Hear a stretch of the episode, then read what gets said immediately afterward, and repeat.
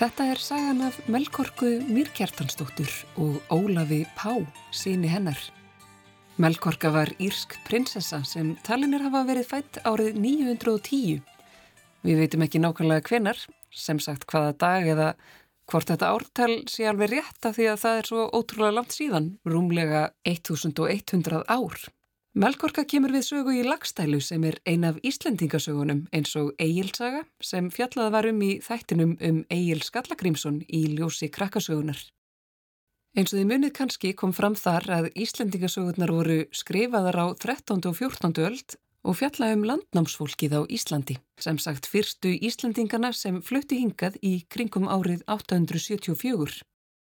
Við veitum ekki hver skrifaði þessar sögur og hvort þær eru sannar eða skáldaðar en þær voru skrifaðar neyður um það byl 300 árum eftir að þær eiga að hafa gerst. Vitað er að fólki í sögunum var til í alvöru og flestir telli að sögurnar byggja á raunverulegum atbörðum en á tímanum sem leið áður en þar voru skrifaðar niður hafið þær breyst tölvert og síðan hafið sá sem skrifaði þær niður jafnvel tekið sér skáldarleifi og bætt ekkur við. Þið getur rétt ímyndað ykkur ef þið ættu til dæmis í dag að fara að skrifa æfisögu langa, langa, langa, langa, langa, langa, langa vikar sem fættist árið 1700 bara út frá sögum sem fólk hefði sagt hvert öðru og hefði gemst í munmælum öll þessi ár. En aftur að melkorku. Til þess að segja sögun af henni þurfum við að byrja því að segja frá manni sem hétt Hörskuldur Dalakollsson. Hann var hyrðmaður konungsins í Noregi sem hétt Hákon Góði eða Hákon Adalsteinsfóstri. Hyrðmaður er einhver sem tilheyrir hyrðkonungsins og berst fyrir hann. Höskuldur var sem sagt hyrðmaður hákonar og góður vinur hans. Þess vegna ferðaðist Höskuldur mikið og var oft hjá konunginum í Norri. Eitt sinn var hann á syklingu frá Íslandi í átt til Norðurlandana og kom þá við í Brennegjum, en það eru eigjar rétt fyrir auðtan Gautaborg í Svíþjóð. Í Brennegjum var kaupstefna Fjöldin allir af fólki saman komin og ímis varningur til sölu. Matvara, efni til að söma fötur, hústýr og líka manneskur. Já, á þessum tíma týðkaðist nefnilega þrælahald og lang flestir þrælarnir voru fólk sem hafi verið rænt á Írlandi eða Skotlandi. Yfirleitt er talað um að landnámsmenn Íslands hafi komið frá Nóriði en rannsóknir hafa sínt fram á að 40% fyrstu íbúa landsins voru af keltneskum uppruna, sem satt frá Írlandi eða Skotlandi, eða 60% kvenna og 20% kalla. Þetta er kannski dáliti rugglingslegt en í einföldu máli getum við sett þetta þannig upp að ef við ímyndum okkur að 100 kallar og 100 konur hafi flutt til Íslands á landnámsöld Þá voru í þeim hópi 60 konur og 20 kallar frá Írlandi eða Skotlandi. En þetta var út úr dúr, aftur að kaupstefnunni í Brennegjum. Í einu sölutjaldi var maður með gerskan hatt á höfði, en gerskur þýðir rúsneskur. Þessi maður var kallaður Gilli hinn Gerski. Hauskuldur tók Gillatali og saðanum að hann væri að leita sér að ambátt til að kaupa. En ambátt er kvenkins þræll. Gilli bauðunum þá inn í tjaldið þar sem sátu tólf konur. Einn þeirra satt út í hortni og var illa klætt en höskuldi fannst hún mjög falleg og sagði Gilla að hann vildi gerðnan kaupa hana. Gilli saðunum að hún kostaði þrjár merkur silfurs og bætti því við að hún væri að vísu mállaus. Höskuldi fannst þrjár merkur silfurs fyrir þessa mállösu ambátt daldi mikill peningur en samþykti þetta og greiti fullt verð. Síðan fór hann með hana til búðar sinnar en búð er eins konar tjald, bara aðeins stærra og flottara. Höskuldur gerði melkorku að frillu sinni en frilla merkir ástkona. Margir volduður kallar á landnámsöld áttu frillur þóttir væri giftir og það var ekkert launungamál. Þeir áttu oft börn með frillum sínum sem nutt ekki alveg sama réttar og hjónabandsbörn en mennirnir syndu þó yfirleitt frillibörnum sínum vel og pössuð upp og að þau skorti ekki neitt. Höskuldur átti eiginkonu heima á Íslandi sem hétt Jórun og hún varð ekkert sérstaklega ánægð þegar Höskuldur kom siklandi aftur heim frá Nóri með melkorku meðferðis. Hún spurði eiginmann sinn hver þessi kona væri eiginlega sem var í förmiðunum En höskuldur vissi ekki hvað Melkorka hétt því hún hafði aldrei sagt stakt orðiðan en það held hann að hún væri mállus, svo hann svaraði. Svo mun þér þykja sem eg svari þér skætingu. Eg veit eigi nafn hennar.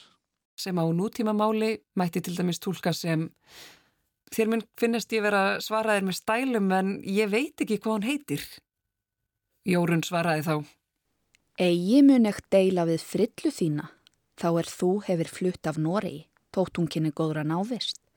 En nú þykir mér það allra sínst ef hún er bæði dauf og mállus. Verst ef hún er bæði hernarlaus og mállus var sem sagt aðal aðtugasemdin sem Jórun hafði varðandi melkorku. En nú liður nokkur í mánuðir og það kom að því að melkorka fætti barn, lítinn dreng. Höskuldur, fadir drengsins, fekk fljótlega að skoða barnið og var alveg ofsalega hrifin. Síndist honum sem öðrum að hann þóttist eigi séð hafa vætna barn ég stórmannlegra. Sem sagt þetta var hraustasta og fallegasta barn sem hann hafði séð og allir voru samalónum. Höskuldur gaf síni sínum nafnið Ólafur í höfuðið á frænda sínum Ólafi Feilan sem var nýlega dáin, en það er önnursaga.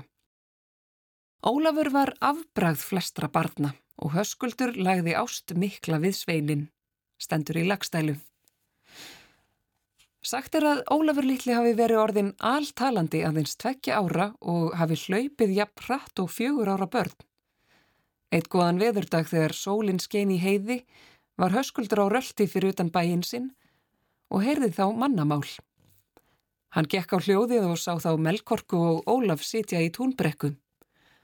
Þá áttaði höskuldur sig á því að Melkorka væri alls ekkert málus því hún talaði við litla drengin sinn þegar hún held að enginn sægi til. Höskuldur gekk þá til hennar og spurðana að nafni. Hún svaraði Ef þú vilt nafn mitt vita, þá heiti ég Melkorka. Höskuldur baðana þá segja lengra ætt sína, sem sagt segja frá því hverjir fóreldrar hennar væru. Melkorka svaraði Mýrkjartan heitir fæður minn. Hann er konungur á Írlandi. Ég var þaðan herrtekin 15 vetra gömul.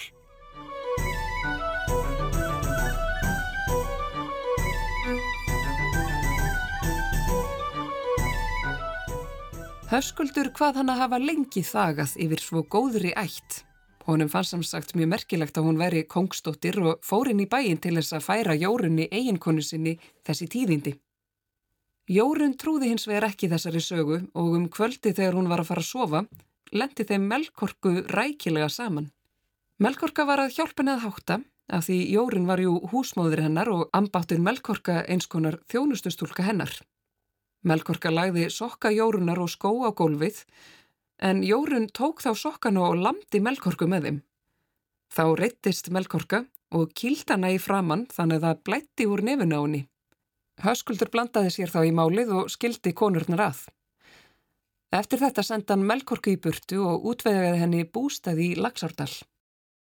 Bærin fekk nafnið Melkorkustæðir og Ólafur sonur hennar fór með henni þangað og bjóð þar líka. Brátt sér það á Ólafi er hann óks upp að hann myndi verða mikið afbræð annara manna fyrir vænleiks, sakir og kurtesi stendur í lagstælu og nú spólum við nokkur ár áfram í sögunni.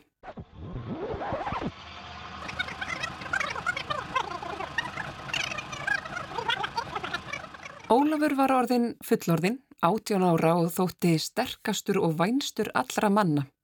Hann var mjög glæsilegur í fínum fötum og vel vopnum búin. Hann var kallaður Ólafur Pá sem þýður Ólafur hinn skrautlegi. Orðið Pá tengist sem sagt skrauti eða skarti samanber Páfugl sem er afskaplega skrautlegur fugl. Melkorku fannst nú tímabært að Ólafur færi til Írlands að hitta fræntfólk sitt þar. Það fylgir ekki sögunni hvort hanna hafi ekki langað að fara aftur heim fyrst henni var rætt þegar hún var 15 ára en hún hlýtur að hafa verið bara nokkuð sátt á sínum stað á melkorkustöðum í Laxárdal. Annað kemur allavega ekki fram.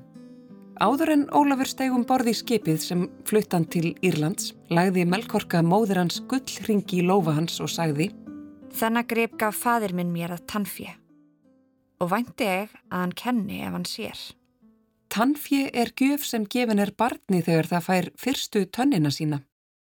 Mýrkjartan, fadir Melkorku, hafði sem sagt gefið dóttur sinni þennan ring þegar hún var lítið barn og nú treysti hún á að hann myndi þekkjan aftur þegar Ólafur síndánum hann til þess að sanna að hann væri sá sem hann segðist vera.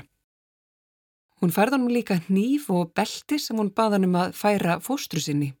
Að lokum sagði hún við svon sinn Heiman hefi ég því búið svo sem ég kann best og kentir írsku að mæla svo að þau mun það eigi skipta hvar þau ber að á Írlandi.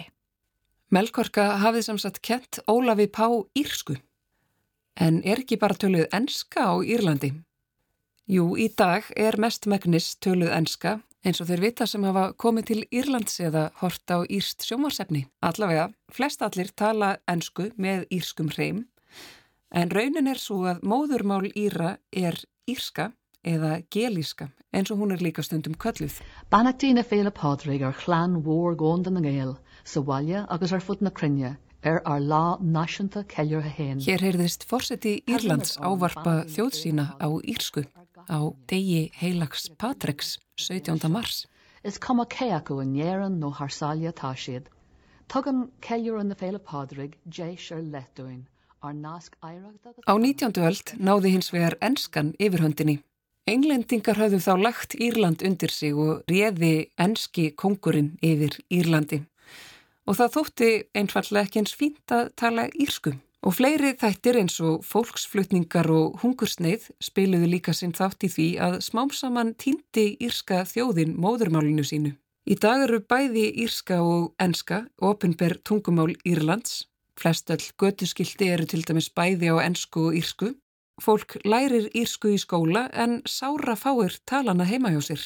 En á landnámsöld, þegar Íslendingasögurnar gerðust fyrir rúmlega þúsund árum síðan, töluðu hins vegar allir írsku á Írlandi og vegna samgangsins á milli landana eru nokkur orð á íslensku tekin úr írsku eða keltnesku, eins og til dæmis brekán sem þýðir ábreyða, kapall og tarfur sem þýðir nöyt og svo eru nokkur mannanöfn eins og brjátt, kalman, kjartan, kormákur, njáll og fleiri.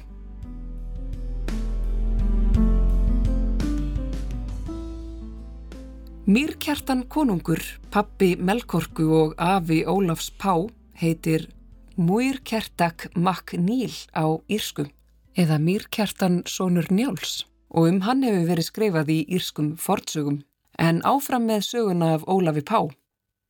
Hann sildi fyrst til Noregs á samt hyrðmönnum Haraldar Noregskonungs. Þar fóru þeir til fundar við konungin sem leist mjög vel á Ólaf og mælti. Miklir ágætismenn eru slíkt sem þú ert enn lítið af barnsaldri og sæk þegar á vorn fund er þú kemur aftur. Nokkru setna hjælt Ólafur áfram ferðsinni til Írlands. Þegar skipans nálgæðist land kom hópur manna niður á strönd. Þeir rópuðu heróp, óðu út í flæðarmálið og ætlaði að draga skipið á land. Þeir umkringdu skipið og stóðu skjöld við skjöld með spjót á milli.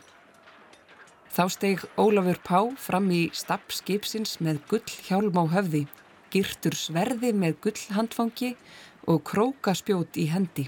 Fyrir sér hjæltan rauðum skildi sem ávar máluð mynd af ljóni.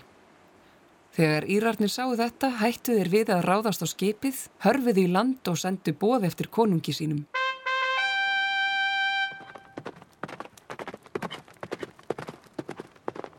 Konungurinn kom ríðandi á samt sveit manna og spurði hver réði skipinu. Ólafur gaf sig fram og spurði hver þessi vasklegi rittari væri sem þarna var komin. Ég heiti Mýrkjartan. Ertu konungur Íra? Já. Hvaðan komið þið og hverja manna eru þið? Það skal yður kunnikt gera að við íttum af Noregi en þetta eru hyrðmenn Haralds konungs Gunnhildasonar sem eru hér innan borðs. En yður er það frá ættminni að segja, herra, að faðir minn býr á Íslandi er höskuldur heitir. Hann er stór ættaðu maður. En móður kyn mitt vandi eg að þér munið hafa séð fleira en eg því að Melkorka heiti móðu mín og er mér sagt með sönnu að hún sé dóttir þín konungur. Og það hefur mig til rekið svo langrar ferðar og liggur mér nú mikið við hver svör þú veitir voru máli. Auðsætt er það á Ólafi þessum að hann er stór ættaður maður, hvort sem hann er vor frændi eða eigi, og svo það að hann mælir allra manna best írsku. Nú skal veita svör þínu máli, að eg vil öllum yður grið gefa skipverjum, en um frændsemi þá er þú telur við oss, munum við tala fleira áður en ég veiti því ansvör.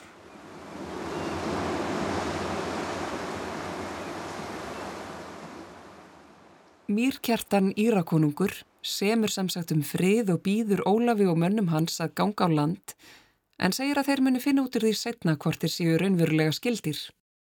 Í dag væri einfallega framkvæmt DNA-próf þar sem erfðaefni þeirra væru borin saman á rannsóknustofu en það var auðvitað ekki til fyrir þúsund árum síðan þannig þegar Ólafur var komin í land síndan mýrkjartan í gullringin sem móður hans hafi látið hann fá.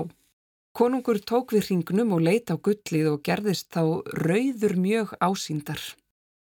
Sannar eru jartegnir, en fyrir engan mun eru þær ómerkilegri en þú hefur svo mikið ættarbræð af móður þinni að vel má þig þar af kenna.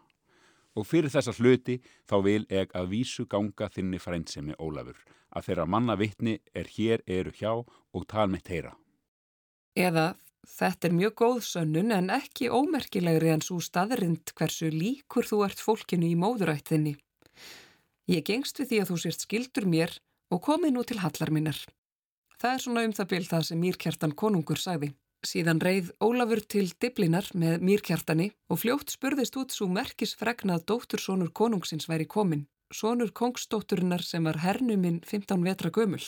Fóstramelkorku var lögst í kör af elli og veikindum en þegar hún frétti af komu Ólafs, gekk hún staflaust á fundar við hann.